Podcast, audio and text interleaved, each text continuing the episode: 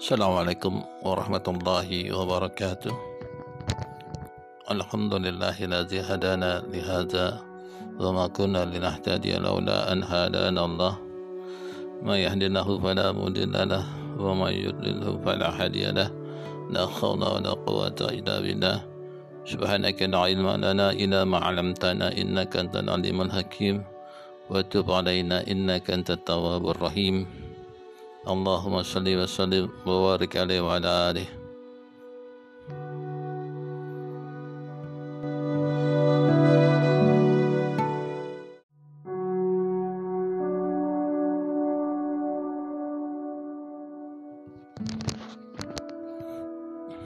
para pendengar yang selalu dirahmati Allah Subhanahu wa taala. Suatu masa berjalanlah dua orang pemuda yang tampan rupawan menuju ke masjid. Mereka adalah Al Hasan dan Wal Husain yang merupakan putra dari Sayyidina Ali bin Abi Thalib karramallahu wajhah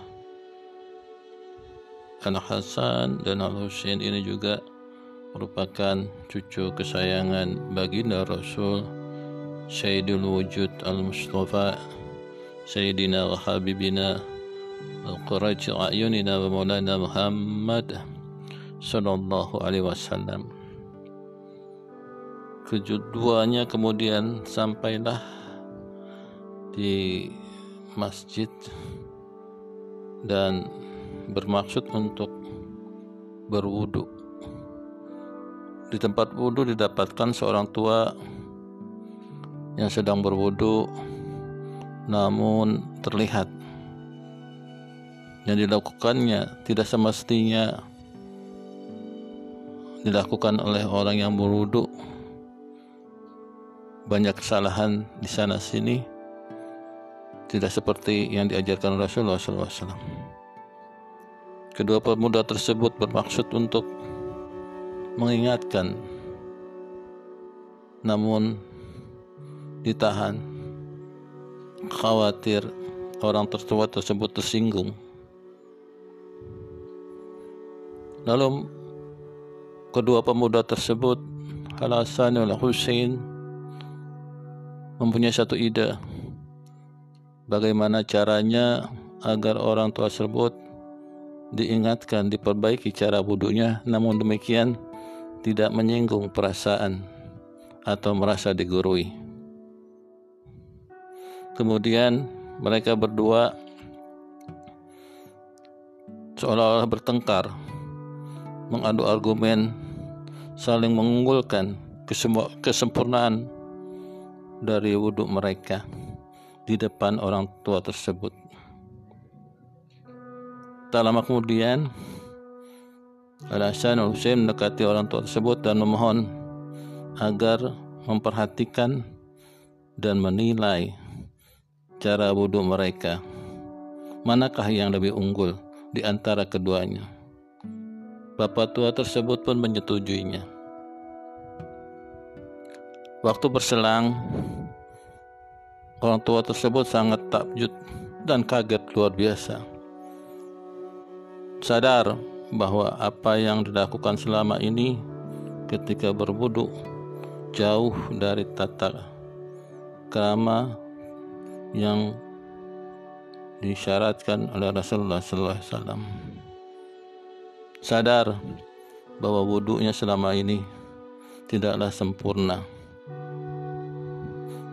Tak lama kemudian orang tua tersebut mendekati Al Hasan Husain lalu berkata, Terima kasih anak muda, kamu telah menuntun dan mengajarkan kami sebagai orang tua dengan bijaksana. Mudah-mudahan Allah Subhanahu wa taala memberkati kalian berdua. para pendengar yang dirahmati Allah Subhanahu wa taala. Ini hanya sekedar kisah pendek yang umumnya mungkin pendengar pun telah mengetahuinya. Namun alangkah baiknya kita mengambil faedah daripada kisah tersebut. Mudah-mudahan Allah Subhanahu wa taala memberikan kita kekuatan untuk mengajak orang ke jalan Allah Subhanahu wa taala.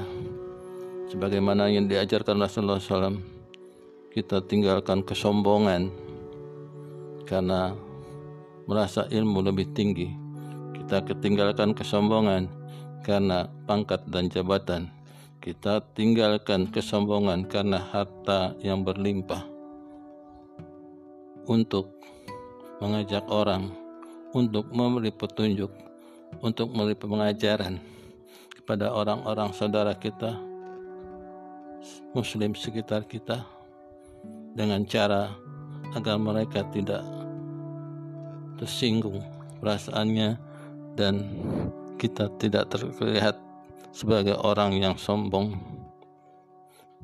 Sebagaimana Rasulullah SAW bersabda tidaklah seorang masuk neraka manakala di hatinya terdapat seberat jisawi keimanan. Dan tidaklah orang masuk ke surga manakala di hatinya terdapat seberat biji sawi kesombongan. Hadis riwayat Muslim dan Abu Daud. Demikian mudah-mudahan bermanfaat. Lebih kurangnya mohon dimaafkan. Rabbi fanwa'na nabi barakatihim wa ahlina al-husna bi hurmatihim wa amitna bi tariqatihim wa mu'afati minal fitan. Assalamualaikum warahmatullahi wabarakatuh.